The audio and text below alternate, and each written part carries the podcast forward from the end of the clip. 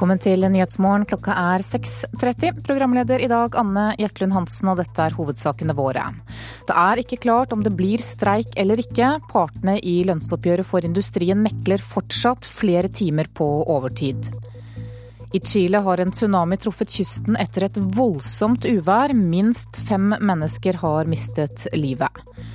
Og skatteetaten vil avsløre dem som prøver å snike seg unna skatt når de selger boligen sin.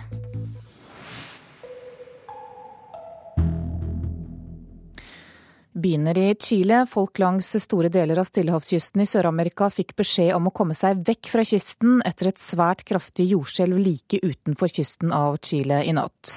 Fem mennesker er bekreftet omkommet etter skjelvet, som førte til en tsunami. Ayúdenos nomás, por favor, y recen alto para Rica. Ya. Hjelp oss, vær så snill og hjelp oss. En fortvilet mann rømmer opp i høyden. Det var tilløp til panikk i den chilenske byen Arica i natt. Skjelvet med styrke 8,3 er det kraftigste på fem år, og en flodbølge på to meter traff kysten av Nord-Chile i timen etter skjelvet. Folk langs hele nordkysten av Chile og i Ica-området i Sør-Peru fikk ordre om å evakuere. Tsunamivarselet gjelder fortsatt for Chile, mens faren er over for andre kyststater i Latin-Amerika. Det sa utenriksmedarbeider Sverre Tom Rådøy, og myndighetene på Hawaii har nå utstedt tsunamivarsel også der. Så til lønnsoppgjøret og meklingen i industrien, som kommer til å få konsekvenser for flere av oss utover våren. Fristen for meklingen gikk ut ved midnatt, og dersom partene ikke blir enige, så kan 11 000 industriarbeidere bli tatt ut i streik. Reporter Anita Moland, du er på verftet til Vard Brevik i Trosvik i Telemark. Hvordan er stemningen der nå, så lenge det er uavklart om det blir streik eller ikke? Ja, akkurat nå så kommer folk inn på jobb, da, og de smiler og hilser her til klubblederen som jeg står sammen med, Alf Kåsne. Men jeg kan jo spørre deg, Kåsne, hvordan var det å våkne opp i dag tidlig, og vi fikk høre at det fortsatt var mekling? Nei, Det våkna til vanlig tider, så det var ikke noe problem med det. Men det første han eh, gjør, det er jo selvfølgelig å sjekke nettet og sjekke tekst-TV og sånne ting for å få de opplysningene han må ha før han begynner å tenke på reise. Hva tenkte du når du så at det fortsatt pågikk mekling? Da at ikke det blir noe. Er, du tror ikke det blir streik? Jeg tror ikke det blir streik nå. Hva håper du på skal skje? Hva ja. håper du på de får til? Nei, Jeg håper jo på at de kan eh, få til en ramme, og at det blir satt ned en gruppe som da kan jobbe inn mot eh, neste år, eller to år til. Og at det blir en løsning på alt sammen. Altså, Du sier at dere vet lite om krava. Hva vet du om de krava som Fellesforbundet har stilt? Eh, jeg har ikke visst noen ting eh, om hva slags krav det har vært, annet enn det som de har lagt ut på, på, nettet. Og Når det gjelder kroner og øre, så vet jeg jo ingenting. Det hørte jeg på nyhetene i går kveld. Så de håper på å komme opp imot en 3 Hvordan reagerer eh, kollegaene dine på det? De er skuffa. Det er de. De er veldig skuffa. Enkelte er bitre for at ikke de får greie på hva er grunnlaget for hva de skal streike for. Når eh, klokka nærmer seg sju nå, så kommer alle på jobb. og Hva vil du si da? Vil du samle gjengen? Nei, vi har ikke tenkt på det. De kommer vel etter hvert. De hører jo på nyhetene. De vet jo det at når de kommer hit, så skal de jo skifte over til arbeidstøy og, og jobbe som vanlig.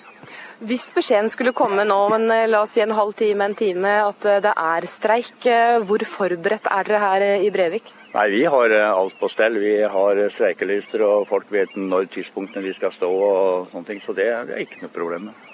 Og blir konsekvensene hvis dere 92 ansatte her i Brevik nå går ut i streik? Nei, Konsekvensene de er vel likt over hele veien. det, at det, Vi har skip som skulle vært ferdig, og som da blir utsatt. Så det, det er klart det er synd. Som vi hører, så tror altså ikke streikelederen her ved verftet i Brevik at det blir streik. Eh, men de har båter. Jeg ser den eh, ligger bl.a. i en stor rettfarm her, som det altså det blir ikke jobba på dersom de går ut i streik. Men klubblederen han er skuffa over forbundet sitt, som har gitt altfor dårlig informasjon, sier han.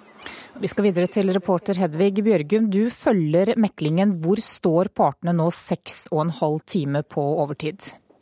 Ja, det er fremdeles åpent her eh, hos eh, Riksmekleren. Det har vært meklet i ett i hele natt, og, og partene har levert mange forslag eh, til løsninger, da, sånn at de klarer å komme frem til en ny lønnsavtale. Eh, Men det er ingen avklaring på om meklingen vil føre frem eller ikke. Og det er grunn til å regne med at meklingen vil komme til å fortsette utover i morgentimene før en avklaring kommer. Det er det vi har fått beskjed om fra Riksmekleren Riksmekleren så langt. Og så venter vi på han nå, at han skal si noe mer. Ja, hva sier han, eller hva har han sagt i natt om klimaet rundt forhandlingsbordet?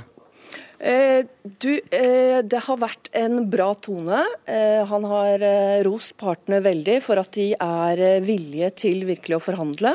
Villige til å snu seg rundt og, og søke etter løsninger.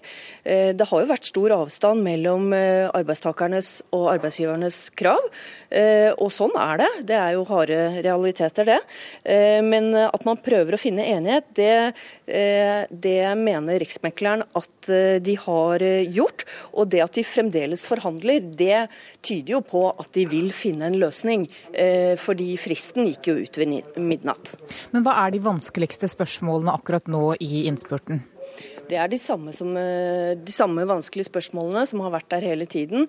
Det er eh, mange krav om fleksibilitet i arbeidstider. Det er krav om flere velferdsgoder. Det er krav om å avtalefeste pensjonen i en form som gir arbeidstakerne en hånd på rattet av styringen av pensjonene. Det har ikke arbeidstakerne i dag, og Norsk Industri, arbeidsgiverne, de er imot det. Eh, de vil eh, beholde eh, styringsretten selv.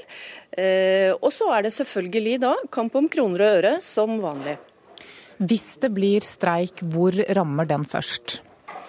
Den vil ramme i over 100 bedrifter landet over, men særlig på Vestlandet. Eh, oljerelaterte bedrifter, teknologibedrifter, verft. Eh, alle de er grupper som blir rammet eh, hvis 9300 ansatte går ut i streik hvis det ikke blir en avtale her. Takk skal du ha så langt, reporter Hedvig Bjørgum. Vi kommer selvfølgelig tilbake med mer om hvordan det går med denne meklingen i løpet av Nyhetsmorgen. Unio mener at likestillingskampen og debatten om heltid for kvinner gjorde det vanskelig å jobbe for redusert arbeidstid. I NRK Brennpunkt i går så vi hvordan kampen for redusert arbeidstid har forsvunnet fra dagsorden. Og Unio-leder Anders Folkestad forteller at arbeidstakerorganisasjonen måtte gjøre et valg. Eh, eh, for vår del så handler det om andre prioriteringer, som vi så på som viktigere der og da. For ti års tid siden ble det satt i gang flere forsøk med seks timers arbeidsdag. De er stort sett borte. Bare ett er gjort permanent. Tine på Heimdal i Trondheim. I Brennpunkt i går møtte du Lars Inge Trang, som nyter godt av det. Da begynner klokka sju og er ferdig klokka ett. Og det er genialt, spør du meg. Jeg kommer jo tidligere hjem, da. Og eh, får eh, lengre dager på ettermiddagen sammen med familien. Unio vurderte i 2005 om de skulle kjempe for kortere arbeidstid. Men de drev samtidig en kamp for flere hele stillinger i helsevesenet. Det ble vanskelig å jobbe for begge deler, sier Unio-leder Anders Folkestad. Vi hadde viktigere saker å, å kjempe for, som dels handla om arbeidstid, dels handla om eh, likestilling, og det henger litt i hop. F.eks. dette at eh, det var og er altfor mange som er på ufrivillig deltid. I tillegg har det blitt mye snakk om behovet for at alle må jobbe mer dersom vi skal klare eldrebølga. Det gjør det vanskelig å argumentere for redusert arbeidstid, mener Folkestad. Den politiske retorikken handler jo om å mobilisere mer eh, arbeidskraft, og, og da blir det store arbeidstidsreduksjoner eh, noe som drar i en annen retning. Også LO har nedtona kampen for redusert arbeidstid, sier LO-leder Gerd Kristiansen. Vi er opptatt av at flest mulig av den norske befolkning skal være i arbeid, og ikke minst i, i hele stillinger, og, og følge denne situasjonen veldig nøye. Men Unio-leder Folkestad er åpen for en ny debatt om redusert arbeidstid framover. Hvis vi ser igjen sånn historisk på det, så, så vet vi at når produktiviteten holder seg bra oppe eller øker, eh, samtidig som vi ser at lønnsnivået i Norge er høyt i forhold til konkurranselandene, så, så, kan det være fornuftig framover å tenke at uh, noe skal takes ut i mer uh, fritid. Det, det er det flere i og for seg gode grunner til. Både det, den tidsklemma vi har rundt oss, også debatten om klima og forbruksvekst. Uh, den vi, har vi her hatt på dagsordenen, og jeg tror den vil komme tydeligere. Reporter var Håvard Grønli, og i Ekko rett etter klokka ni så tar vi diskusjonen om samfunnet vårt tåler at vi jobber mindre. Skatteetaten øker innsatsen for å avsløre dem som ikke betaler skatt når de selger boligen sin. Rundt 650 millioner skattepliktige kroner fra gevinst av boligsalg vil bli forsøkt unndratt i år, tror etaten. Og de som blir tatt, kan vente en saftig ekstraregning. Det er tid for å sjekke selvangivelsen, og helst fylle ut det som mangler. Men for noen boligselgere blir fristelsen til å, skal vi si, glemme noen tall litt for stor, skal vi tro skatteetaten. For at gevinsten ved et boligsalg skal være skattefri, er hovedregelen at du skal ha brukt boligen til egen bolig minst ett av de to siste årene før salget. Hvis ikke er gevinsten skattepliktig, men mange prøver seg, forteller skattedirektør Hans Christian Holte. Beskatning eh, av eh, gevinster ved salg av bolig er et av de områdene hvor vi ser det unndras mye penger, og hvor vi også har gode metoder for å følge opp med kontroller og avdekke skatteunndragelser. Skatteetaten anslår at nordmenn i år vil forsøke å unndra 650 millioner boligkroner fra beskatning, og derfor er dette et spesielt kontrollområde i år. Og her gjelder en forholdsvis enkel regel. Blir du tatt, blir det dyrt. Her vil man kunne få den konsekvensen at det blir eh, tilleggsbeskatning på enten 30 eller opp mot 60% så dette kan eh, merkes eh, ganske betraktelig. Om du er i tvil om pengene du tjente på boligsalget er skattepliktige, har fagsjef i Skattebetalerforeningen Rolf Lote følgende anbefaling. Er man i tvil, og det er et generelt råd vi har, så gi opplysninger i selvangivelsen. Gi opplysninger om, om, salget, men i et vedlegg til selvangivelsen. Ikke sett det som en inntekt, men gi opplysninger i et vedlegg, og forklar faktum tilstrekkelig til at skattekontoret eh, kan ta stilling til skatteplikten. Reportere her var Halvard Norum og Johan Settem. Skal vi se hva avisene har på forsidene sine i dag. Aftenposten skriver at mannen som er dømt for terrorangrepene 22.07.2011, vurderer å gå til rettssak pga. soningsforholdene. Han har sittet 33 måneder i isolasjon og mener at dette er ulovlig. I kø for et bedre liv er overskriften i Vårt Land. 7000 søreuropeere har forlatt familien sin for å skaffe seg jobb i Norge. Og en ny undersøkelse viser at Europas velferd rakner pga. politikernes manglende evner til økonomisk styring. KrF har laget en oppskrift på hvordan vi skal få ned tallet på aborter. Partiet vil ha gratis prevensjon til alle under 25 år, gratis spiral for jenter fra 16 år og seksualundervisning for 13-åringer, skriver Dagsavisen. Abort er tema også i Klassekampen i dag. Høie møter massiv motbør, er overskriften. En ny undersøkelse viser at over 74% av velgerne er motstandere av å gi leger mulighet til å reservere seg mot å henvise kvinner til abort. Nasjonen skriver at landbrukssubsidiene i verden øker etter flere års nedgang. Asia betaler mest, og en tredel av subsidiene i jordbruket går til bønder i Kina. Russland-Norge, business as usual, er overskriften i Finansavisen i dag. Mens forholdet mellom Vesten og Russland er på sitt kjøligste siden den kalde krigen, så jobber statskontrollerte Rosneft og Statoil videre som vanlig. På mandag fikk Helge Lund besøk av konsernsjefen i Russlands største oljeselskap for å diskutere planlagte oljeprosjekter og utvidelser av samarbeidet. Dagens Næringsliv skriver at børsselskaper mangler IT-sikring. Ni av ti er sårbare for angrep fra hackere. Sykehjemmene i Bergen sliter med å rekruttere mannlige ansatte, skriver Bergensavisen i dag. Også på sykepleierstudiet ved Høgskolen i Bergen så er det kvinnedominans. Fedrelandsvennen skriver at ordføreren i Kristiansand er bekymret for at flyplassen på Kjevik kan bli svekket som følge av planer om å starte utbygging av en flystripe som heter Gullknapp på Froland. Ordføreren i Arendal mener at partifellen i vest er smålig. VG forteller at det å ha et dyr hjelper mot angst og sykdom. Mens Dagbladet lokker med elleve iPhone-triks. Overskriften er 'Slik blir mobilen din supersmart'. Skal vi ha sport, og det skal handle om kveldens oppgjør i ishockey mellom Vålerenga og Storhamar. Vålerenga-trener Espen Sjampo Knutsen sier at han tror kampen blir en klassiker.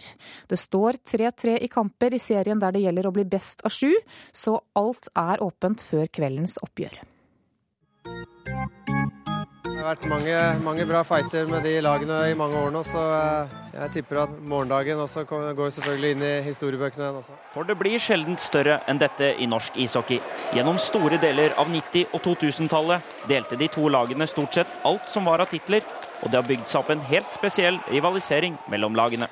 Dette er den 78. kampen de spiller mot hverandre i et NM-sluttspill, og Vålerengas Morten Ask vet hva disse kampene betyr. Det er klart det er litt tradisjon bak kampen. og Det er jo gamle hegemoni i norsk hockey, Vålerenga-Storhamar. Så det er klart det er bra å ha, ha støtta klanen på fullsatt Hurdal. Vålerenga har et høyt ønske om finalespill i sitt 100-årsjubileum som klubb.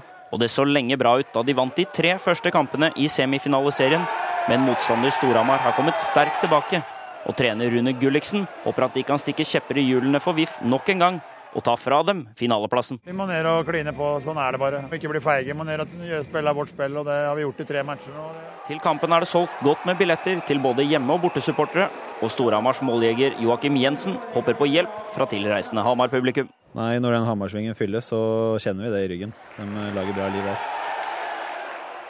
Reporter var Vegard Aulstad, og i kveldens andre semifinale møter Stavanger Lillehammer hjemme. Der er det det samme utgangspunkt, 3-3 i kamper og vinneren til finalen. Du hører på Nyhetsmorgen nå, klokka er 6.47 og dette er hovedsaker i nyhetene. Det er ikke klart om det blir streik eller ikke. Partene i lønnsoppgjøret for industrien mekler fortsatt flere timer på overtid.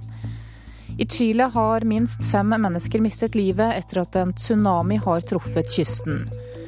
Og følg oss videre, så skal du få høre at det er full krangel om hvem som skal ta regningen for restaureringen av Nord-Europas største kirkeorgel i Nidarosdomen.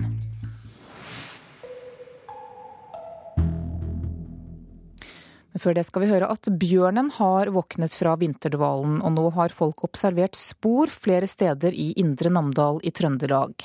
Dersom det blir observert bjørnespor, så vil det trolig utlyse vårjakt på rovdyret. Det forteller Tore Solstad i Statens naturoppsyn, som er interessert i tips fra folk i området.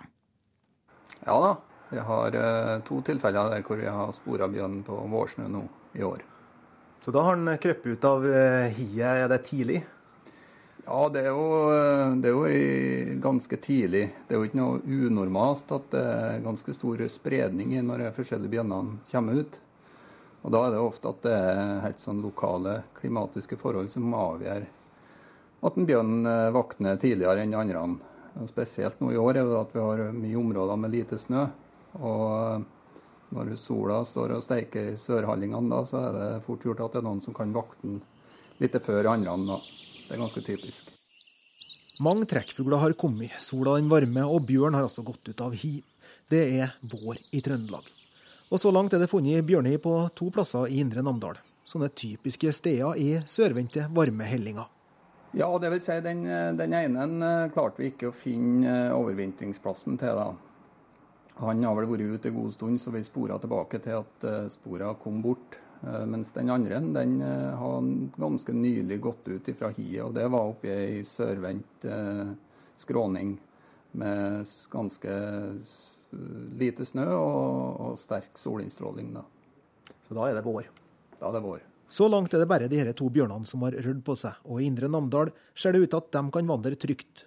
Men dersom det blir funnet bjørnespor i Verdal eller lenger sør, kan det gå mot uh, ei kort vandring i våren. Det bekrefter Lars Bendik Austmo, som er seksjonssjef for rovvilt i Naturoppsynet. Nei, det er jo forvaltningsmyndigheten av Miljødirektoratet som eh, i høst gikk ut og sa det at det er noen områder i landet som kan bli prioritert for det hvis det er bjørn i området. Og de områdene eh, vi spesielt ønsker tips da i, i, Trøndelag, det er det området som bjørn gjorde stor skade i fjor i Selbu, Tydal, Meråker, Levanger og Verdalen. For Statens naturoppsyn er det altså viktig å få inn sporobservasjoner nå på våren. Allerede i fjor høst signaliserte Miljødirektoratet at de vurderer å åpne for ekstraordinære uttak av bjørn nå på våren. Det er først og fremst aktuelt i prioriterte beiteområder der det var store bjørnetap sist sommer, bl.a. i Nordland, i Oppland og også i Trøndelag. Vi frykter at hvis eh, folk tipser om det dette, så betyr det dødsdom for eh, stakkars eh, vårgrogge bjønner som kommer ut av hiet sitt. Og Det ønsker ikke vi at folk skal gjøre. Vi ønsker at vi skal få bygd opp bjørnebestanden i Norge, fordi at vi trenger mer bjørn i norsk natur. Det har både Stortinget vedtatt, og det trengs av biologiske årsaker. Så vi ønsker flere bjørner i naturen. Og da skal vi ikke tips, sånn at de kan skytes med en gang de kommer ut av hiet. Det sier Arnold Håpnes, som er fagleder i Naturvernforbundet. Men Statens naturoppsyn de er ivrig på alle tips om bjørn. Ikke minst for å få til et godt anslag av den bestanden vi har i Norge gjennom DNA-registreringa, forteller Tore Solstad. Ja, vi har jo i oppgave å drive bestandsovervåking av bjørn. Og Måten vi gjør det på, er at uh, først og fremst uh, samle biologisk materiale i form av skit eller hår og for å, få, for å finne det her eh, materialet, så er vi jo avhengig av å få inn tips om, eh, om eh, hvor det er bjørn som er ute og går. da. Så vi vil gjerne ha tips fra publikum. Og det vi gjør når vi får sånne kunnskap om, om bjørn som er ute og går, er at vi prøver å bakspore. Gjerne for å finne skit eller hår, men også for å finne hiplassen. Det er jo interessant å se hvor de overvintrer. Reporter var Kjartan Trana. Nesten alle mediehus krever nå at du debatterer under fullt navn i kommentarfeltene på internett, og redaksjonene bruker også flere ressurser for å holde øye med hva du skriver i nettdebattene. En medieforsker har tatt for seg utviklingen i en fersk doktorgradsavhandling. Sånn at I begynnelsen, når man begynte med f.eks. åpne debattforum eh, og kommentarfelt, så ønsket man at de skulle være så åpne som mulig. At det skulle være høyt under taket, det skulle være lav terskel for å delta. Jan Erik Smilden er en av seniorjournalistene i Dagbladet som holder øye med nettdebattene. Avisen er en av få som tillater at debattantene er anonyme. Skal vi se, her har vi en. Enda en artikkel som omhandler hvor dårlig vi behandler personer med utenlandsk opprinnelse. Da er det kanskje på tide å stenge grensene. Og da svarer jeg det går ikke an å stenge nasjonale grenser i 2014, i hvert fall ikke hvis man skal fortsette å være et demokratisk land. Balansekunst heter doktoravhandlingen til Caroline Andrea Ilebekk. Nettdebatten skulle ideelt sett ha takhøyde og bredde, noe mediebedriftene mente var sunt både for økonomi og demokrati, sier medieforskeren. Det ses på som demokratiserende at flere eh, kommer til orde. Så har du den økonomiske interessen, selvsagt. Eh, at man ønsker økt trafikk på nettavisene. Det er klart at eh, For å ha økt trafikk så har man tenkt at det har vært fint å ha en lav terskel. Eh, sånn at det er jo selvsagt eh, ja, det er en blanding av demokrati eh, og, og økonomi. I dag balanserer mediene mellom ønsket om kontroll med nettdebatten uten å miste mangfoldet. Jan Erik Smilden i Dagbladet tror noe går tapt når mediene krever at du debatterer under fullt navn. Men, men da er det ikke sikkert at det er så mange som tør å si noe heller. Og det er ikke bare snakk om usakligheter, men det er mange som ikke vil eksponere seg. Så i hvert fall foreløpig så er policyen i Dagbladet at vi kjører eh, med at de kan bruke eh, fiktive navn. I motsetning til Dagbladet krever alle de store mediehusene at debattantene oppgir fullt navn. Debattredaktøren i Aftenposten, Erik Tornes, tror kravet fører til en annerledes nettdebatt. Også når man går fra å være anonym, går fra å være, ha et nikk, til å skrive under et fullt navn, eh, kanskje ha et bilde av seg selv, så blir det en, litt eh, det blir, det blir, noe annet. Det er litt vanskeligere å skrive veldig hardt og veldig krast. Og kanskje du, er, du er, har like harde argumenter, men du skriver på en litt annen måte. Det er jo ikke argumentene som ikke skal være harde. Vi vil gjerne ha skarpe, sylskarpe argumenter. Eh, det er måten de fremføres på som er, som er viktig. Reporter var Tone Staude. Nidarosdomen og Vår Frue menighet må ut på tiggerferd for å samle inn ti millioner kroner til restaurering av Nord-Europas største kirkeorgel.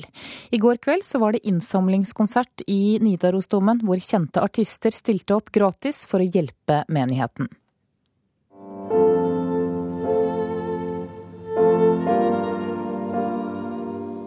Foran høyalteret i Nidarosdomen står Arve Tellefsen.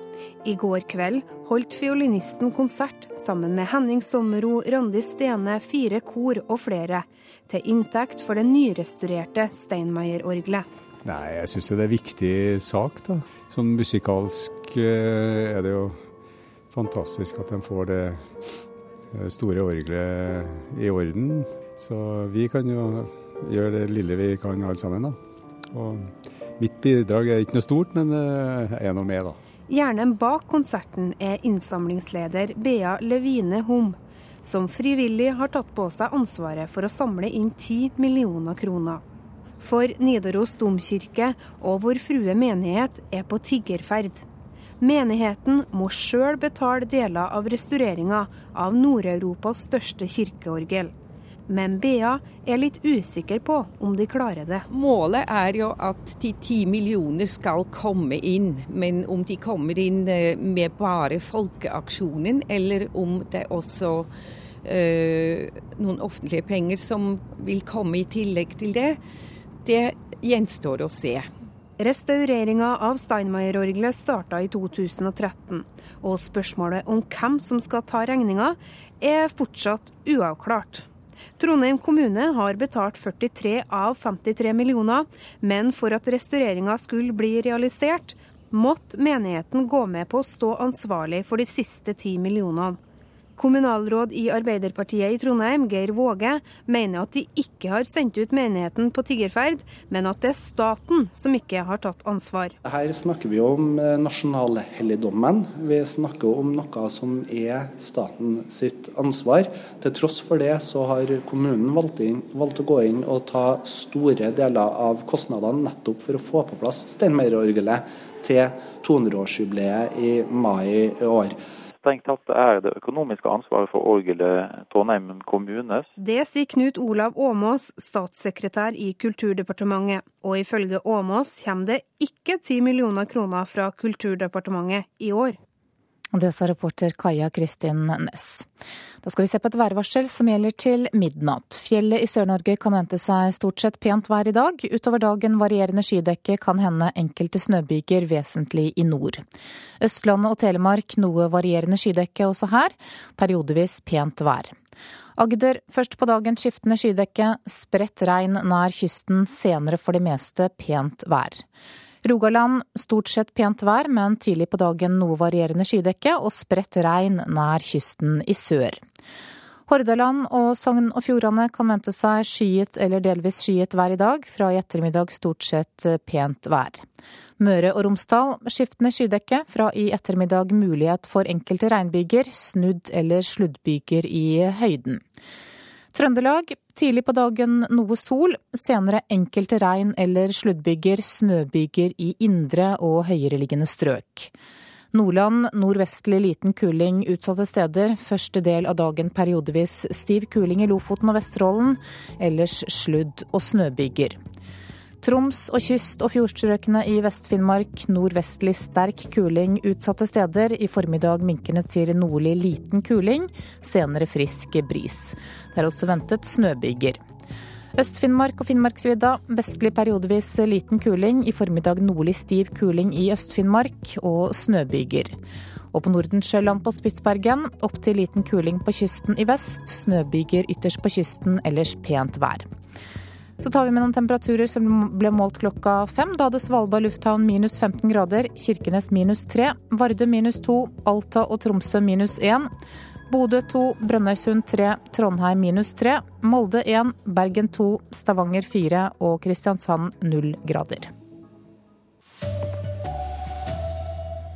kraftig jordskjelv og en tsunami førte til panikk i Chile og Peru i natt. Og her hjemme blir det mekla på overtid i industrioppgjøret. God morgen, her er NRK Dagsnytt klokka sju. Minst fem mennesker har mista livet etter et kraftig jordskjelv og en påfølgende tsunami utenfor kysten av Chile i natt. Folk langs store deler av stillehavskysten i Sør-Amerika fikk beskjed om å komme seg vekk fra kyststripa. Og eh, USA-korrespondent Gro Holm, du er med meg nå. Eh, hva kan du si om det som skjedde? Ja, eh, Du nevnte at fem er døde. Eh, noen skal være drept av hjerteattakk, og andre ble knust av bygninger som raste sammen. Men det dreier seg ikke om mange hus. Eh, derimot så var, så var det en rekke jorder som førte til stengte veier, og det sammen med at tusenvis av mennesker flyktet innover i landet, førte til trafikkork og køer. Strømmen har gått i en del, en del mindre byer, og 300 fanger skal ha rømt fra et kvinnefengsel. Men altså, det virker som om Chile denne gangen har sluppet relativt lett fra det. Er faren over nå? Ja, Tsunamivarselet er trukket tilbake for uh, både i Chile og for uh, et, et titalls andre land på den søramerikanske vestkysten. Takk skal du ha for at du var med, Gro Holm. Og vi skal hjem og til lønnsoppgjøret og den meklinga som legger rammene for hvordan lønnsutviklinga blir for de aller fleste av oss. Partene i frontfaga mekler sju timer på overtid, og reporter Ellen Wiseth, hva er det siste fra Riksmekleren sine kontor? Ja, Vi har nettopp snakka med riksmekler Nils Dahlseide, som nå altså arbeider på overtid for å prøve å få arbeidsgivere og arbeidstakere til å bli enige. Han sier at han fortsatt tror at det er mulig, men han kan ikke garantere noe. Eh, og han sier at det her vil ta noen timer til. Eh, partene har kommet nærmere hverandre på i alle fall ett punkt, men ikke på de andre, sier Dalseide. Eh, han sier at partene nå er ganske trøtt, men fortsatt jobber konstruktivt i lag. Og at, partene, nei, at arbeidstakerne intervjuer skal gå på jobb som vanlig.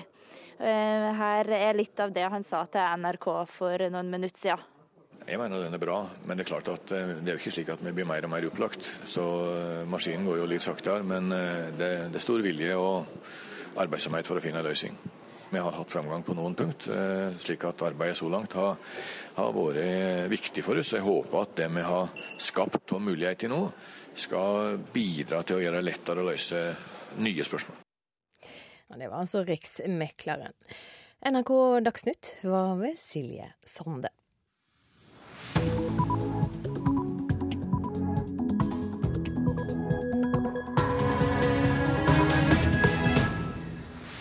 Klokka er 7.03 og Nyhetsmorgen fortsetter i P2 og Alltid nyheter med disse sakene. Ved midnatt så gikk meklingen ut i årets første lønnsoppgjør. Det er foreløpig ingen tegn til løsning. Regjeringen har feilberegnet etterspørselen etter barnehageplasser. Det mener Høyre-byrådet i Oslo. Og store deler av stillehavskysten i Sør-Amerika ble satt i høy beredskap i natt etter et svært kraftig jordskjelv like utenfor kysten av Chile.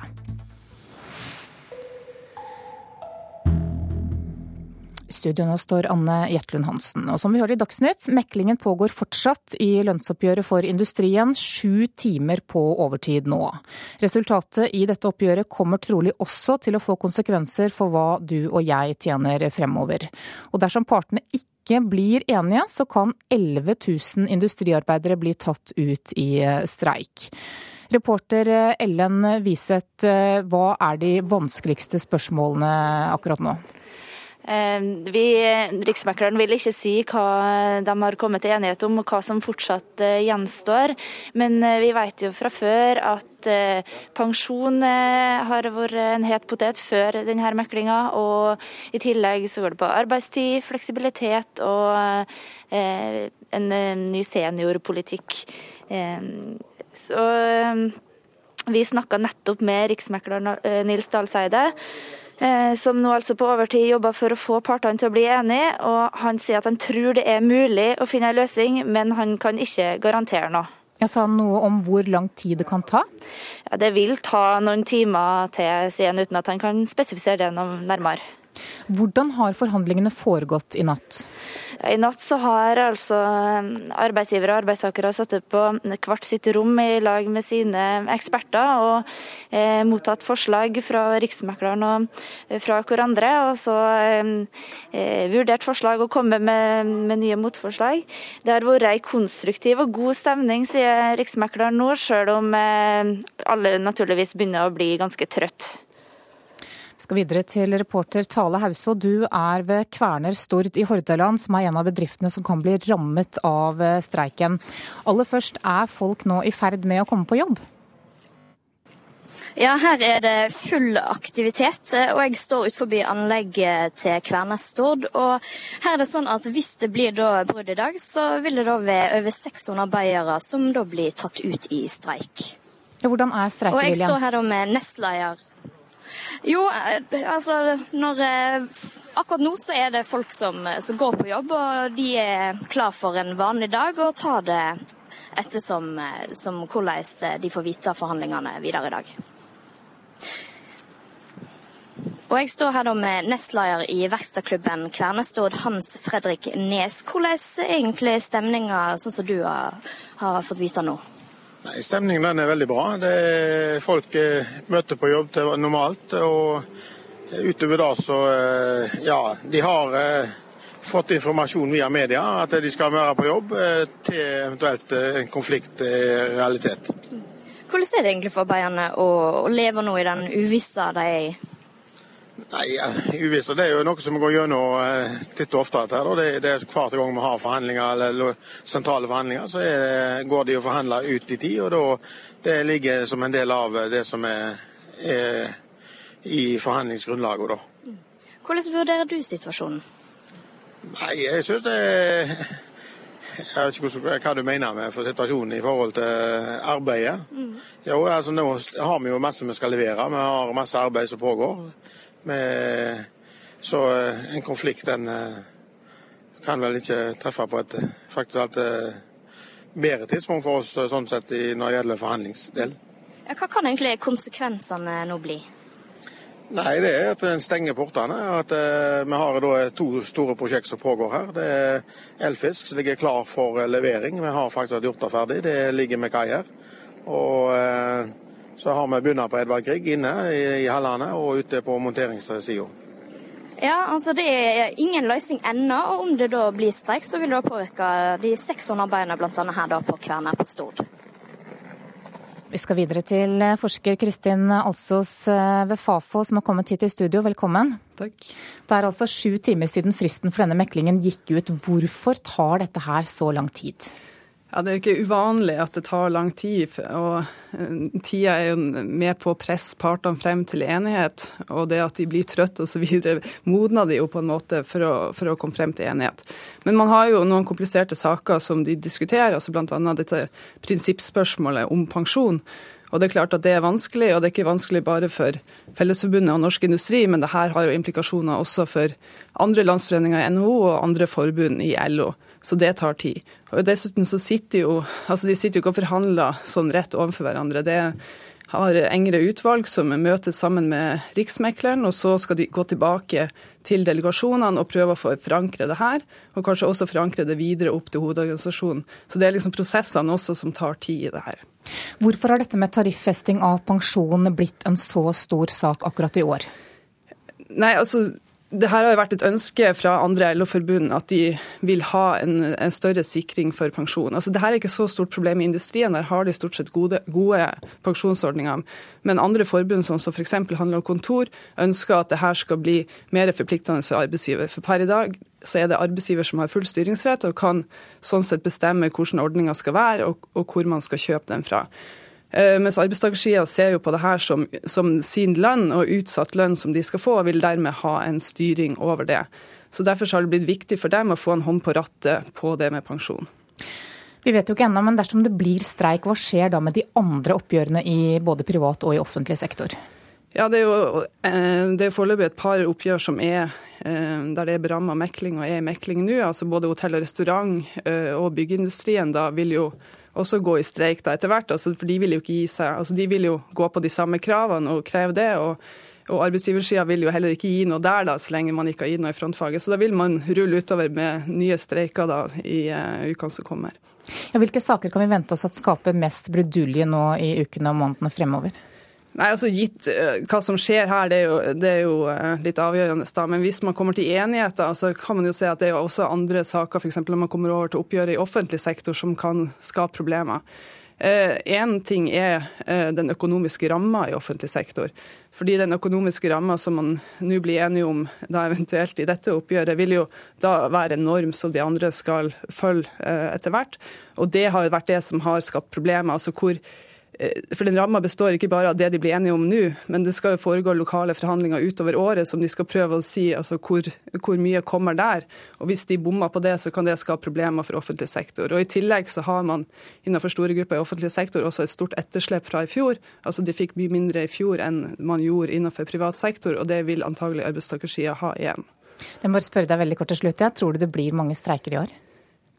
Altså, det er noen problematiske punkter innenfor KS-områder innenfor staten, men eh, jeg har trua på at det ikke blir så mange streiker. Forsker Kristin Alsås, takk for at du kom hit til Nyhetsmorgen. Flere vil ha barna sine i barnehage, selv om regjeringen har lagt opp til det motsatte. Ved å øke kontantstøtten så regnet regjeringen med at færre ville trenge barnehage, og kuttet i pengene til dem. Men nå viser en ringerunde som vi har gjort at mange tvert imot opplever at flere søker om plass til barna sine.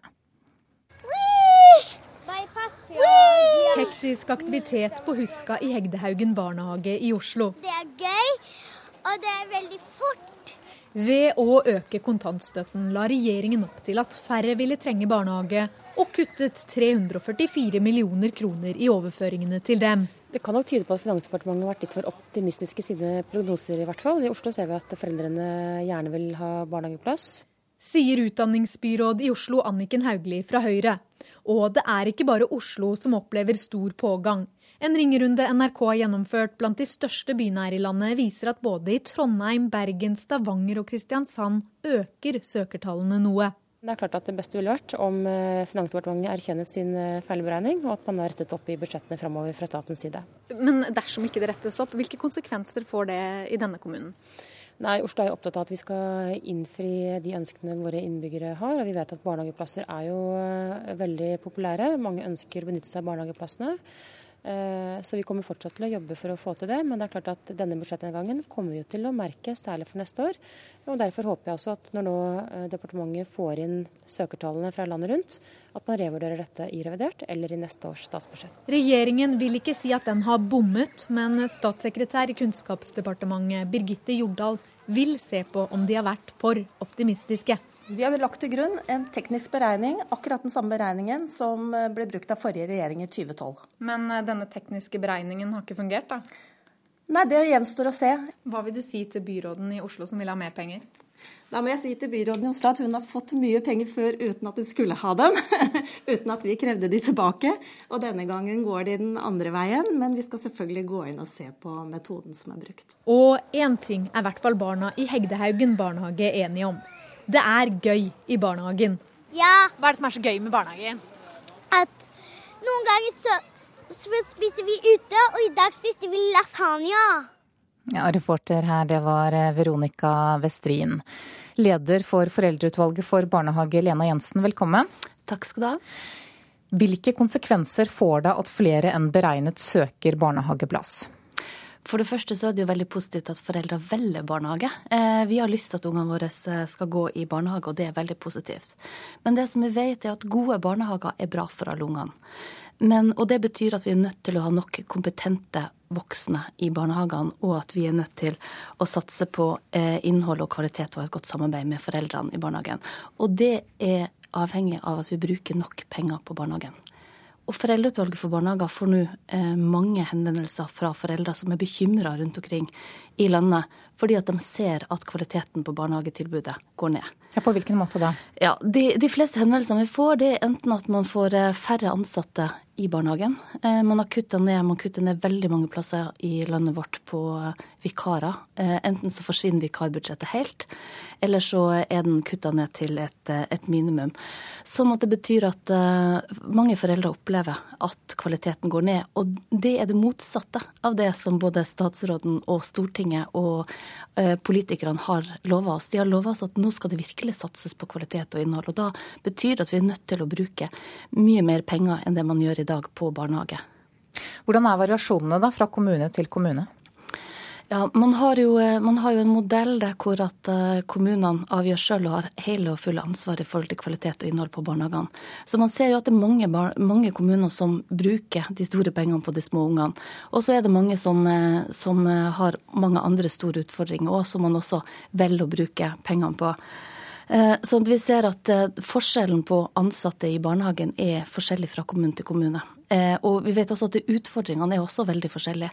Sånn at eh, når foreldre går opp i protest, som vi har sett veldig mange plasser nå i forrige budsjett, så er vi redd for at nå når eh, regjeringa og Stortinget har bevilga mindre penger til barnehagene, så vil dette gå utover ungene våre. Det, det er ungene våre som vil merke det. Og vi foreldre skal være trygge på at når vi sender ungene våre i barnehagen, så har de det morsomt. Så blir de sett og tatt vare på av folk som har utdanning og kompetanse. Hvor avgjørende er det? Eh, vi vet jo, altså, vi har jo begynt å få mye forskning på, eh, på barnehage. Vi vet at de første årene er de, de viktigste årene i et menneskes liv. Eh, så nettopp det å bruke pengene på at man har mange nok voksne, og at de får etter- og videreutdanning, er utrolig viktig. Og det skjer ikke i tilstrekkelig grad i dag. Og derfor er, veldig, er vi veldig bekymra nå når det viser seg at man også har gjort denne feilberegninga eller kutta vel, i Oslo er det vel 48 millioner kroner som man får mindre eh, på barnehage. Så er dette veldig alvorlig. Så vi håper og vi tror virkelig at Stortinget ser på dette med stort alvor og nå kommer inn med en ekstrabevilgning umiddelbart.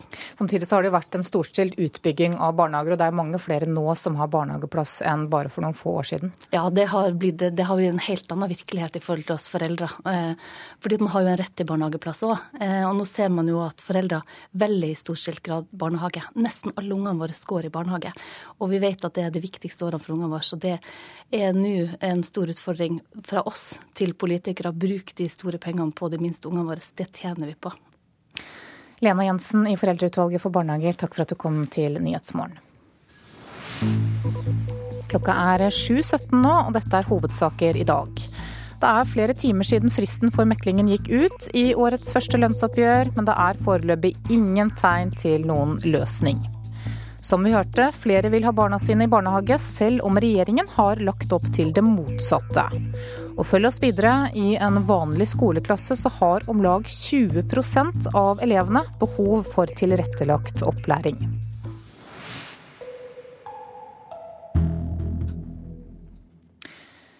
Chiles president erklærer Nord-Chile som et katastrofeområde etter det kraftige jordskjelvet i natt.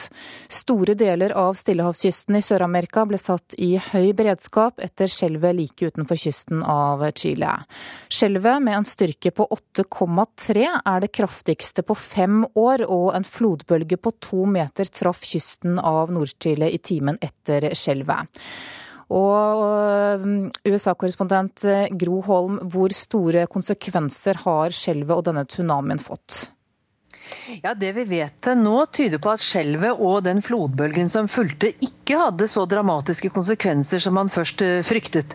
Det er fem som er bekreftet døde, flere av hjerteattakk, og noen eh, ble knust av bygninger som raste sammen. Det brøt ut brann i en del bygninger. Jordras førte til eh, en del stengte veier. Og det sammen med at tusenvis av mennesker jo flyktet innover landet, førte til trafikkork og store køer. Noen tusen mennesker er uten strøm, og 300 kvinner har rømt fra et fengsel. Noen av dem skal være fanget eh, på nytt igjen.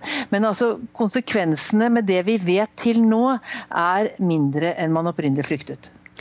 Det er utstedt tsunamivarsel for Hawaii nå. Hva kan du si om det? Ja, Vi vet ikke så mye om det, annet enn at det eh, ikke når Hawaii før ved halv fire-tiden norsk tid, eh, altså i ettermiddag. Og det er ikke ventet at flodbølgen som, som følger vil være sterkere enn den som nådde Chiles kyst, og den høyeste ble målt til ca. 2,3 meter. Takk skal du ha, USA-korrespondent Gro Holm. 78 personer er bekreftet døde etter ebolaepidemien i det vestafrikanske landet Guinea. Landet har stengt grensene, men det er frykt for at sykdommen kan spre seg til Europa etter at den nå har nådd kystbyen Conakry. Reporter er Sigrun Slapgard. De må kjempe mot skrekken like mye som sykdommen. Og kampen skjer med gummihansker, store og tette plastdrakter og avstengte behandlingstelt. Epidemieksperten fra Médecins Frontier har aldri sett verre. On est confronté à une épidémie euh, d'un type qu'on n'a jamais vu, une ampleur qu'on n'a jamais vue, par la répartition du nombre de cas sur le, le territoire. Dette er det største ebola-utbruddet til nå, sier Michel van Erp. Han står midt i den hektiske aktiviteten og har mørke ringer under øynene. Blødningsfeberen er svært smittsom og svært dødelig. Før hjelperne kan gå inn i dette smitteområdet i Gekedo i Guinea, blir de kledde som romfarere. De dypper støvelføttene i desinfiserende væske og kommer inn til innestengte pasienter med liten sjanse for overleving. On est confronté à la souche la plus agressive euh, d'Ebola, la souche Zaïre. C'est une souche qui tue plus de 9 personnes sur 10. Det er den mest aggressive forma for ebola som herjer, den såkalla Zaire-varianten av viruset. Ni av ti smitta dør. Mens landet stenger grensene, har presidenten mana til ro. Men tallet på smitta holder fram med å stige. Det eneste hjelpemannskap kan gjøre, er å tilføre væske og lindre, og ruste opp helsetilstanden på de smitteutsatte. For det finnes ingen kur. Il n'y a pas de traitement, donc nous n'avons pas un médicament qui tue spécifiquement le virus. Men ei lita kvinne tar til seg en slurk drikke. For henne er det et håp. I den førre store ebolaepidemien i Kongo døde i alt 187 personer. Epidemien har fått navnet sitt fra sideløpet til Kongoelva, som altså heter ebola. Nå er en storaksjon på gang i Guinea. Søppel blir rydda, mobile helseteam kjører rundt. Til nå er det stort sett mindre landsbyer som har vært ramma. Nå truger epidemien hovedstaden Conakry med et folketall på to millioner. Her bor folk seg på det verste. Jeg kjøper klor, sier Mamona Sylla. Nå må alle bruke mye klor. Vi må vaske ned husa våre med klor. En stor rengjøringsaksjon er starta i den livlige kystbyen, utløst av at de siste ti dødsfallene skjedde nettopp her. Nå som landegrensene er stengt, er håpet at sykdommen ikke sniker seg ut og til andre land via sjøveien skal vi se hva avisene har på forsidene sine i dag. Aftenposten skriver at mannen som er dømt for terrorangrepene 22.07.2011, vurderer å gå til rettssak pga. soningsforholdene. Han har sittet 33 måneder i isolasjon, og mener at dette er ulovlig. I kø for et bedre liv er overskriften i Vårt Land.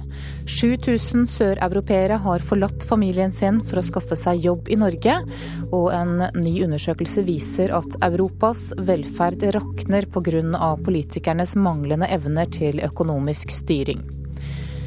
Kristelig Folkeparti har laget en oppskrift på hvordan vi skal få ned tallet på aborter. Partiet vil ha gratis prevensjon til alle under 25 år, gratis spiral for jenter fra 16 år og seksualundervisning for 13-åringer, skriver Dagsavisen.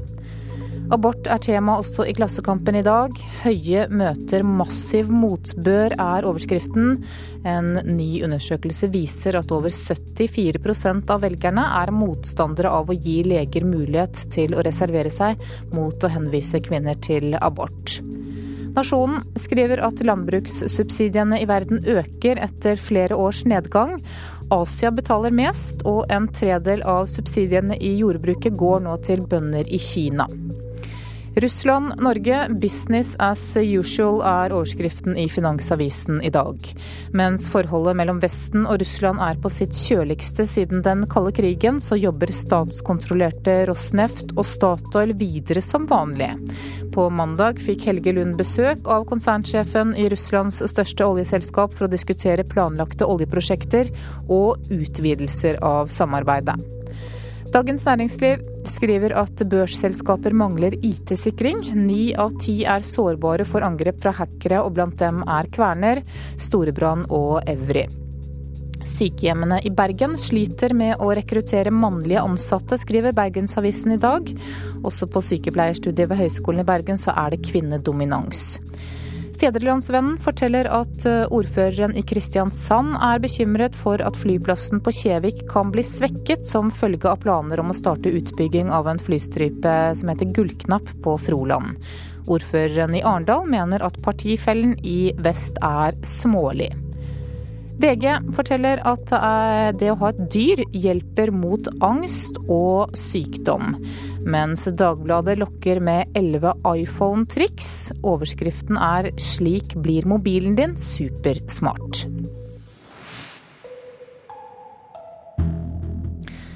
Nå skal det faktisk handle om eh, mobiltelefoner, for godt over halvparten av oss bruker håndholdt mobil når vi kjører bil. Det viser en ny undersøkelse. Samtidig øker tallet på ulykker som skyldes uoppmerksomhet. Det er de yngre bilførerne som bruker telefonen mest når de kjører. Jeg vet at jeg ikke burde gjøre det, men uh, det bare blir sånn. Hvis jeg får en melding jeg vet, vet, at jeg venter på en beskjed, liksom, og så prøver jeg ofte å liksom svare litt fort, kanskje uten å se på den. Jeg, kikker veldig ofte opp, da, så jeg leser på litt av meldinga, ser jeg opp og så ned. Men eh, jeg leser nok likevel, ja. Blant de under 35 er det nesten åtte av ti som innrømmer at det hender de bruker mobilen når de kjører. Det viser undersøkelsen som er gjennomført for bladet Motor. Samtidig er det registrert en økning i ulykker som kan skyldes uoppmerksomhet, sier kommunikasjonssjef i NAF Inger Elisabeth Sagedal. Det handler om møteulykker, det handler om utforkjøringer der bare én bil er involvert. Og det handler om påkjørsler bakfra. Dette er en svært negativ trend, og denne økningen er det all grunn til å tro i mange tilfeller skyldes ulovlig mobilbruk. Forskerne kan ikke bevise at mobilen har skylda, men vi mennesker klarer ikke å gjøre flere ting uten at det går ut over oppmerksomheten vår, sier atferds- og trafikkforsker Dagfinn Mo ved Sintef. I det øyeblikket telefonen piper, for å si det sånn, så vil man gjerne lese SMS-meldinger eller se på bildet, og gjerne svare umiddelbart. Det som da skjer, er at hjernen skifter fokus. Oppmerksomheten rettes mot den handlingen, og så blir trafikkbildet på en måte sekundært. Farten går vanligvis ned. Du vil også få problemer med å registrere hvor du er hen, rent posisjonsmessig, og også hvor andre objekter befinner seg hen. Bruk av håndholdt mobil mens vi kjører er forbudt og kan straffes med en bot på 1300 kroner. Men verken straffen i seg selv eller frykten for å bli tatt ser ut til å virke særlig avskrekkende. Jeg har aldri sett politiet som har stått og sjekka for eh, mobilbruk i bil, nei. Man må skjerpe seg sjøl, tror jeg. Det hjelper ikke med bøter. Liv er i fare, og det kan hjelpe, hvis du tenker sånn. Reporter var Tom Ingebrigtsen. I en vanlig skoleklasse så har om lag 20% av elevene behov for tilrettelagt opplæring. Det viser en undersøkelse ved ungdomsskoler i Indre Sogn. Det finnes ikke en vanlig skoleklasse uten elever med spesielle behov, sier Linn Tove, som har vært med på studien. Det er dysleksi, språkvansker, migrasjonsrelaterte språkvansker, psykisk utviklingshemming, ADHD, dyskalkuli, angst, diabetes. Hun kunne holde fram i det uendelige med hva diagnoser de fant. For jo nær 800 ungdomsskoleelever hun og fem andre studenter undersøkte, fant de 184 ulike diagnoser. Det overraska lærerstudenten. Da det viste seg at i en klasse så vil det i snitt i Indre Sogn være 4,3 diagnoser. Er det ett land som skiller seg ut. Ser du det? Etter å ha stått bak kateteret i 20 år, ble Åse Julusmoen på Leikanger mindre overraska. Det er fordi jeg har sett dette her i praksis i ganske mange år. Av studentgruppa på seks var hun den eneste med erfaring som lærer. Det er økende dette her med spesped-tiltak i, i, en klasse, men det behøver ikke å bety at vanskene ikke har vært der før. Men eh, det har kanskje ikke blitt kartlagt på samme måte. Undersøkinga syner også at 22% av elevene har psykiske vansker, der angst er det problemet flest melder om. For lærerne er det krevende å legge til rette for alle elevene, sier Julesmoen. Det stiller jo veldig store krav til en lærer. Vi må ha kunnskap om disse her ulike vanskene og diagnosene. Samtidig som de har et krav på seg til at alle elever skal få tilpassa opplæring. Sånn at det er ikke bare de med diagnoser, men òg alle de andre. Så det er krevende. Reporter var Eva Marie Felde. Produsent for Nyhetsmorgen i dag er Vidar Eidhammer, og her i studio Anne Jetlund Hansen.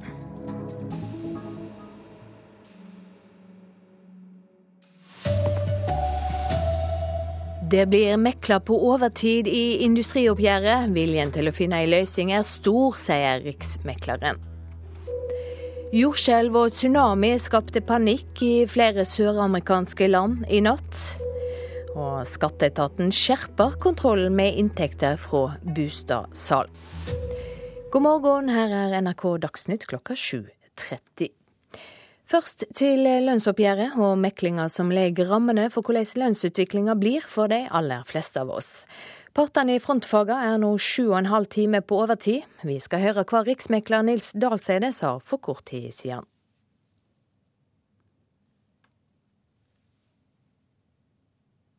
Det, det er stor vilje og arbeidsomhet for å finne en løsning.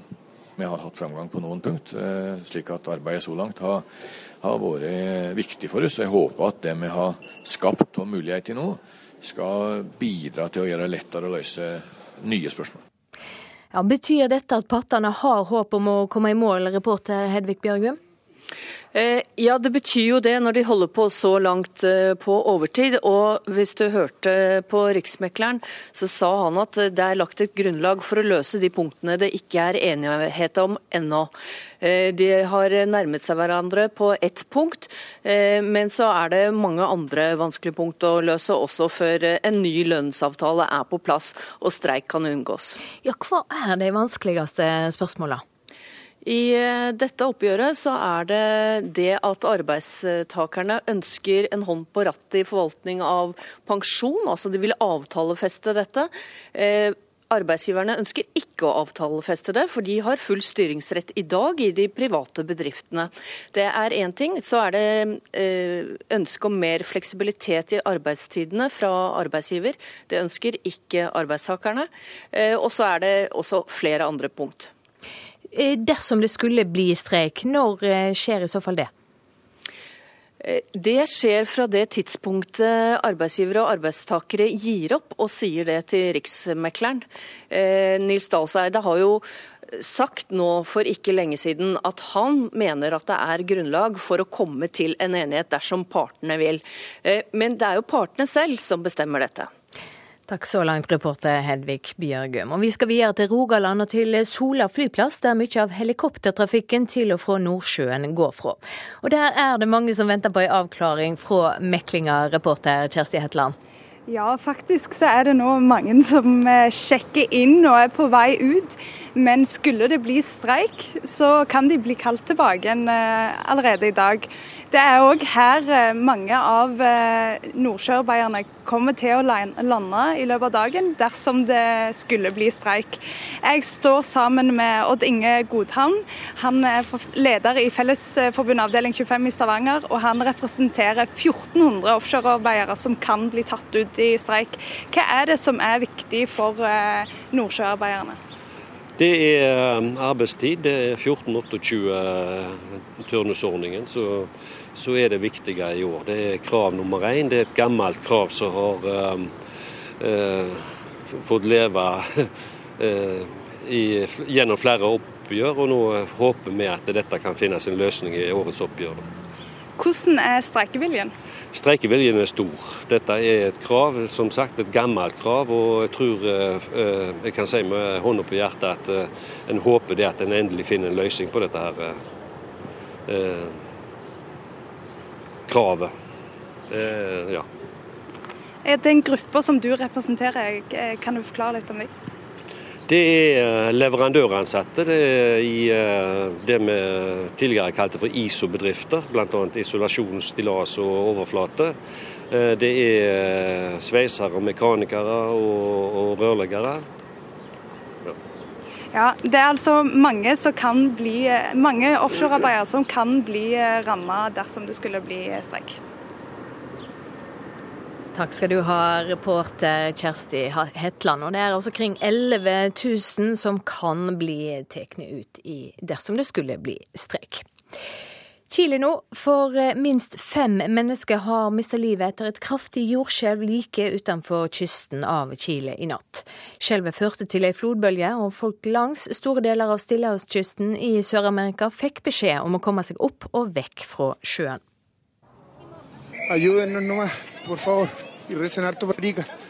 Hjelp oss, vær så snill og hjelp Arica. En fortvilet gammel mann vil vekk. Det var tilløp til panikk i den chilenske kystbyen nær grensen til Peru. Folk kastet gjennom gatene med det de rakk å ta med seg. Engstelige barn i biler, trafikkork og sirener. Strømmen gikk, og mørket kom. Folk langs nordkysten av Chile og i Ica-området i Sør-Peru fikk ordre om å komme seg bort fra kysten og opp i høyden.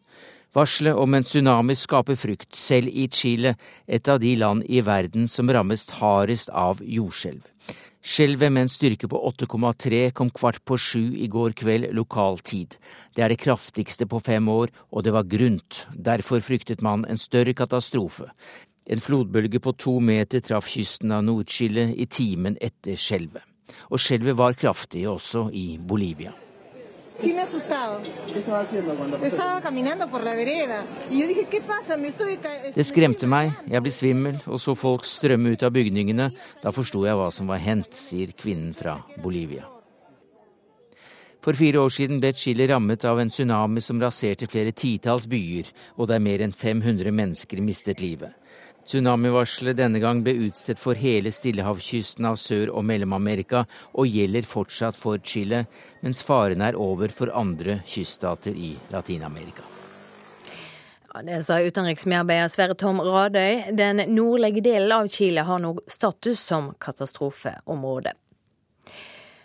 Her hjemme vil flere foreldre ha ungene sine i barnehage, selv om regjeringa har lagt opp til det motsatte. Ved å øke kontantstøtta regner regjeringa med at færre ville trenge barnehage, og det blir satt av mindre penger til barnehagene. Men nå syner en ringerunde NRK har gjort at mange kommuner tvert imot opplever en øke i tallet på søknader.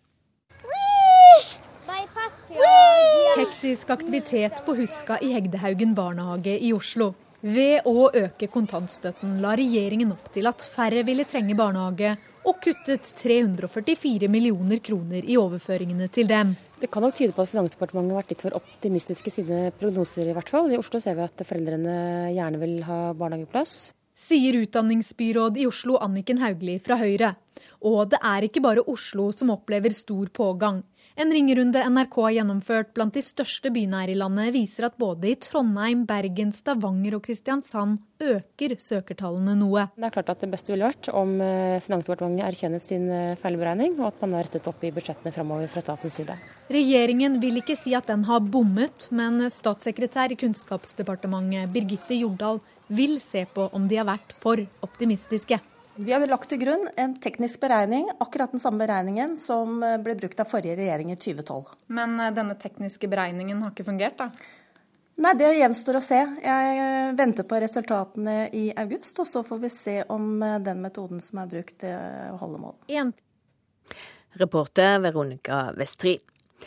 Folk som jukser med salg av bostad, kan ha grunn til å sove dårlig framover. Skatteetaten tror at kring 650 millioner skattepliktige kroner fra gevinst av bostadsalg vil bli forsøkt unndratt i år, og de skjerper nå kontrollen.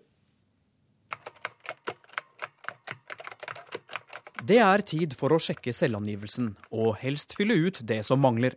Men for noen boligselgere blir fristelsen til å, skal vi si, glemme noen tall litt for stor, skal vi tro skatteetaten. For at gevinsten ved et boligsalg skal være skattefri, er hovedregelen at du skal ha brukt boligen til egen bolig minst ett av de to siste årene før salget. Hvis ikke er gevinsten skattepliktig, men mange prøver seg, forteller skattedirektør Hans Christian Holte. Beskatning eh, av eh, gevinster ved salg av bolig er et av de områdene hvor vi ser det unndras mye penger. Og hvor vi også har gode metoder for å følge opp med kontroller og avdekke skatteunndragelser. Skatteetaten anslår at nordmenn i år vil forsøke å unndra 650 millioner boligkroner fra beskatning, og derfor er dette et spesielt kontrollområde i år. Og her gjelder en forholdsvis enkel regel. Blir du tatt, blir det dyrt. Her vil man kunne få den konsekvensen at det blir eh, tilleggsbeskatning på enten 30 eller opp mot 60% så dette kan eh, merkes eh, ganske betraktelig. Ja, De som blir avslørte kan altså vente seg ei saftig ekstraregning. Reportere Halvard Norum og Johan Sette. Ansvarlig for Dagsnytt denne morgenen, Anne Skårseth. Teknisk ansvarlig Lars Tronsmoen. Her i studio, Silje Sande. Thank you. Klokka er 7.40 eh, og Nyhetsmorgen fortsetter. I Las Vegas så ble verdens største pariserhjul innviet denne uken. Selve hjulet er 160 meter i diameter, noe som tilsvarer en bygning på mer enn 50 etasjer. Og siden dette er Las Vegas, så skal hjulet være i sving 24 timer i døgnet, 365 dager i eh, året. Utenriksmedarbeider Joar Hoel Larsen har mer. Prosjektdirektør David Codiga knuste som seg hør og bør en flaske champagne, og døpte den nye attraksjonen High Roller, hvilket den da også er. Dette nye landemerket ved enden av The Strip ruver over Nevada-ørkenen og er like fantastisk spesielt og Las Vegas selvfølgelig, som det direktør Codiga beskriver det. It's big, it's beautiful, it's audacious, it's fun, it's irreverent in some ways. It's really a spectacular piece of work. Pariserhjulet til snaut fire milliarder kroner inngår som et bærende element i en grandios oppdatering av hele fornøyelsesindustrien i Las Vegas, kombinert med kasinoer og barer, underholdning og restauranter. Det er 28 kapsler, som noen sier, eller kabin, som alle kaller disse kurvene eller vognene, som kan ta 40 passasjerer hver. Turen tar en halvtime, og billettene, som varierer med tid på dagen og på natten, koster mellom 150 og 200 kroner. Men man kan også kjøpe dyrere VIP-billetter og gå foran køen, eller for den saks skyld bestille egen vogn til helt spesielle anledninger.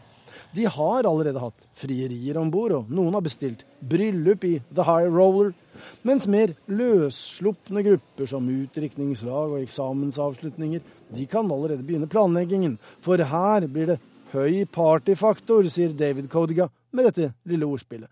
Men han har sine ord i behold, for alle kupeene har alle rettigheter. I think, you know, from bachelorette parties to any kind of a group outing, it's really a perfect venue for that. Og de som har hatt anledning til å prøvekjøre high roller, ja, de er begeistret. Ikke minst utsikten over The Strip og attraksjoner som Eiffeltårn-kopien og de berømte Bellagio-fontenene i Las Vegas. It was just amazing. You could just see the entire Las Vegas. It's, it's huge. 40 people can get in there. Dette hjulet stopper aldri. Passasjerene må komme seg av og på mens hjulet glir langsomt forbi. Skjønt med en fart på mindre enn én kilometer i timen, så bør det kunne la seg gjøre. Forsøkskaninene roser stabiliteten i kabinene. De svaier ikke i vinden, ikke minst fordi prosjektledelsen har brukt mye penger på dyr teknologi for å ta hensyn til folk som eventuelt da får plutselig anfall av høydeskrekk, sier Randy Prince. Uh, you don't feel any movement at all. It's a very smooth, graceful float around the, the Las Vegas skyline. Begrepet pariserhjul benyttes i Skandinavia pga. et hjul der i byen, mens de i USA sier Ferris wheel, oppkalt etter George Ferris, som lagde det første hjulet av denne typen på de kanter. Men konstruktørene av disse hypermoderne giganthjulene de ønsker å distansere seg fra fortidens tivoli- og martnadsassosiasjoner og legge vekt på opplevelse og utsikt, så nyordet er observation wheel, også i mediene. This is the high roller, and it is taking over as the world's tallest observation wheel. I Las Vegas er det bare ett skår i gleden. High Roller er verdens største, men blir det ikke så veldig lenge. For både i New York og i Dubai planlegges det enda større og enda mer spektakulære observasjonshjul. Reporter var altså Joar Hoel Larsen. Klokka er 7.44 nå. Det blir straks Politisk kvarter med Alf Hortken i studio. Aller først minner jeg om hovedsakene våre. Riksmekleren er optimistisk, men det er foreløpig ikke lagt fram noen skissete løsning i meklingen mellom partene i dette første lønnsoppgjøret. Dersom de ikke blir enige, så kan 11 000 industriarbeidere bli tatt ut i streik. Presidenten i Chile erklærer den nordlige delen av landet som et katastrofeområde etter et kraftig jordskjelv i natt. Fem er så langt bekreftet omkommet. Og regjeringen har feilberegnet barnehageetterspørselen. Det mener Høyre byråd.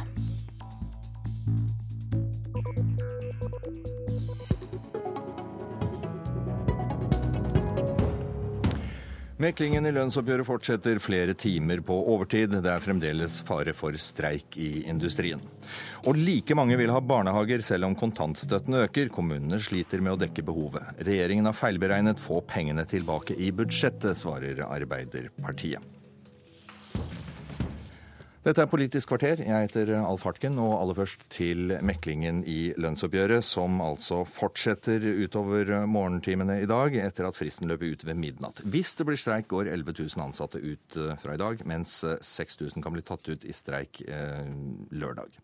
Men det er tydeligvis grunnlag for å fortsette meklingen, og Magnus Takvam, du har vært nede, for, nede i meklingen. Hvordan skal man tolke det som meklingsmannen nå sier? Og det at de fortsetter så lenge? Nei, Det ligger eh, nok i det han sier, at de fleste regner med en, eh, en eh, løsning.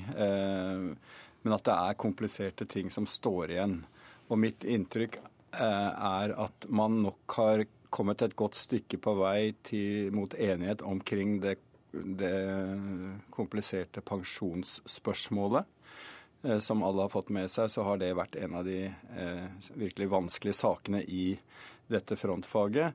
Eh, jeg, tror ikke det er en hel pakkeløsning ferdig, men at man må ha noen forpliktelser i avtalen som LO er, og Norsk Fellesforbund er fornøyd med, og så må man gå videre og finne en, en modell etter hvert. Så det er langt på vei på plass.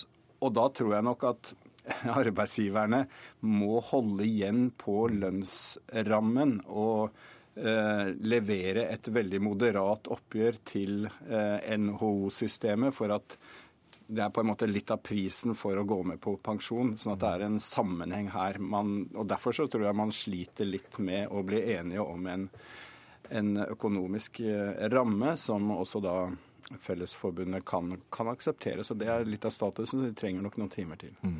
Roger Bjørnstad, sjeføkonom i Samfunnsøkonomisk analyse AS. Det har vært veldig mye snakk om pensjoner i forkant. Men det er andre ting som også mm, Magnus Takvam er inne på her, som kan komplisere dette oppgjøret nå i sluttfasen. Hva er det først og fremst? Ja, det er klart at Dette pensjonsspørsmålet har nok blitt behandlet først. Eh, og de økonomiske rammene har vel eh, måttet avhenge av hva man kommer fram til i pensjonsspørsmålet. Og når man da har eh, trukket ut til en løsning for en løsning på pensjonsspørsmål, så er det da disse økonomiske rammene som gjenstår. Men det er et annet kompliserende element her knytta til det økonomiske, og det er i lys av Holden-utvalget som la fram rapport i, i fjor høst. Der var det jo enstemmighet om at partene i dette oppgjøret selv skal eh, fastsette hva rammen er, altså hva anslaget på den totale lønnsveksten er. Eh, og det er eh, et kinkig spørsmål, fordi historisk så har funksjonærene fått sju-åtte tiendeler mer i, i, lønnsvekst enn arbeiderne. Og når man nå krever at de skal anslå lønnsvekst, så vil det nok eh, ligge i kortene at, eh, at, det skal være den samme lønnsveksten for arbeidere og funksjonærer. Eh, og dermed så må man ikke bare komme med troverdig et troverdig anslag på hva lønnsveksten skal være, man må også komme med troverdig tiltak for å stagge lønnsveksten hos andre grupper enn disse i tariffoppgjøret. Sånn sett så ligger det altså enda, mer, enda flere føringer som dette frontfagoppgjøret her legger, enn enn det som tidligere har vært tilfellet? Ja, eh, jeg, men jeg tror ikke dette her er noe å streike for. Det er bare et mm. komplisert spørsmål. Eh, partene må bli enige om hva, er, hva, hva, hva betyr dette for den totale lønnsveksten. Og, og, og, både LO og NHO kan ha insentiver til å si at den blir lavere enn den faktisk kommer til å bli, for å fremstå uh, som mer moderate. Uh, men dette må være troverdig for de oppgjørene som kommer etterpå. Og spesielt utdanningsgruppen i offentlig sektor er jo ganske sinte for at de sammenligner seg med funksjonærgruppene i industrien, men blir sagt å måtte holde rammen fra arbeiderne. Ja, takk. Hvor viktig blir dette oppgjøret her for de som nå følger etter? Det er klart det er jo eh, Frontfagsmodellen tilsier jo at eh, det får en eh, dominoeffekt på de andre oppgjørene. Der blir de store rammene, eller rammen, lagt. Nå er det jo ulike virkeligheter i offentlig sektor og privat sektor. Pensjonsspørsmålet blir jo ikke tema i offentlig sektor. Men det har jo vært antydninger fra en del landsforeninger i NHO at samme om norsk industri går med på en pensjonsordning, så er det mange av de andre områdene som, som har eh, økonomiske argumenter mot en pensjonsavtale som, som, tilsier at det kan bli omkamper. Men her tror jeg da også at frontfaget vil slå inn. Når det da eventuelt blir mekling i de mm. andre områdene også, så, så kan ikke Riksmeklingsmannen gjøre noe annet enn å legge det til grunn som disse er blitt enige om på det punktet. Mm.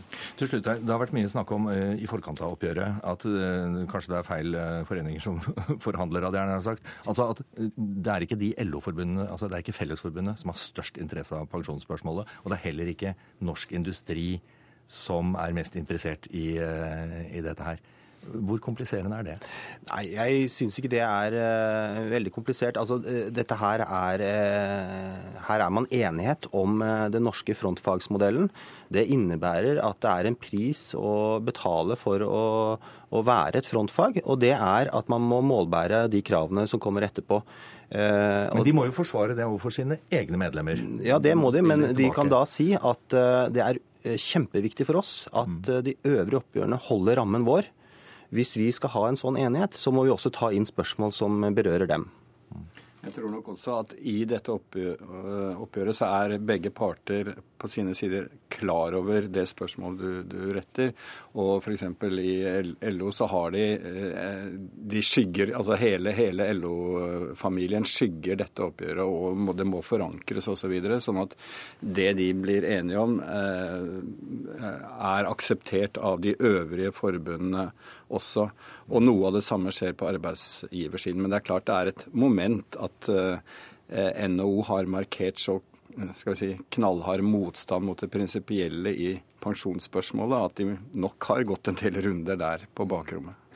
Og hva de kommer fram til, det får vi jo vite utover eh, forhåpentligvis i morgentimene. I hvert fall eh, kan de ikke trekke altfor eh, langt, for da sovner de vel. De har holdt på i hele natt. Takk skal dere ha så langt, Magnus Takvam og Roger Bjørnstad.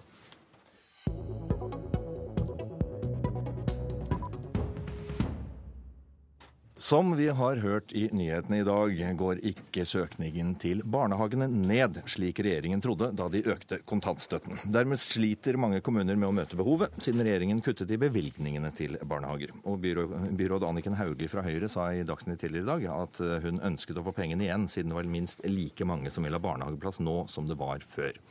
Svein Harberg fra Høyre, du er leder familie- og kulturkomiteen på Stortinget. Dere trodde altså det skulle bli færre? Og så er det like mange. Det er faktisk litt flere som vil ha barnehageplasser. Må dere ikke da reversere dette her, sånn at kommunene kan klare å levere? Nå er det slik at eh, det er beregningsmodeller som ligger til grunn for de tallene som legges inn. Eh, og det, Slik beregningsmodell har også vært brukt i forhold til at vi nå endrer kontantstøtten. Mm. Men vi vet jo, bl.a. fra 2012, når den forrige regjeringen gjorde det samme, at det tar litt tid før du får den uttalingen. Og det er helt naturlig. Folk har planlagt å gå tilbake til jobb, sende barna i barnehage. Nå kom det en ny ordning. Det vil gå litt tid før den uttellingen kommer. Og i mellomtiden? I mellomtiden så er det altså slik at det er de rammene som ligger der, som ligger der.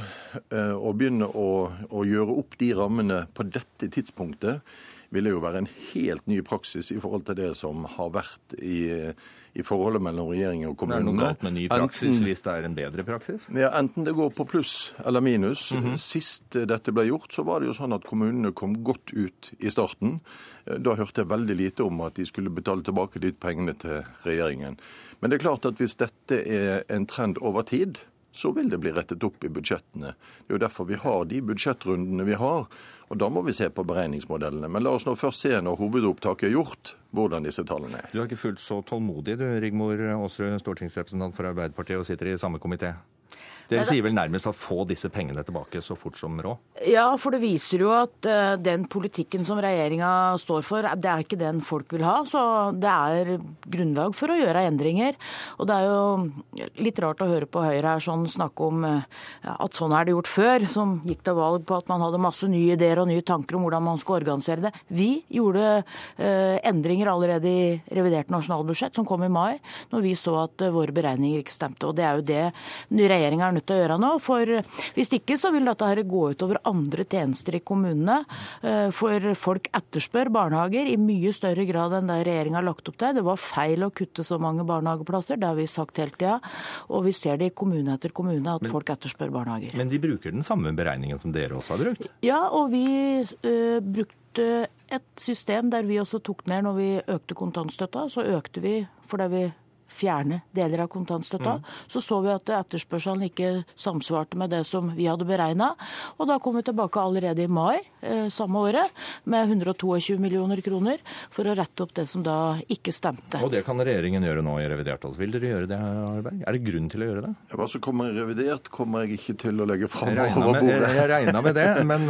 men men, det er altså slik at eh, nå skal det være et hovedopptak til høsten. Mm. Eh, disse søkertallene nå er en indikasjon.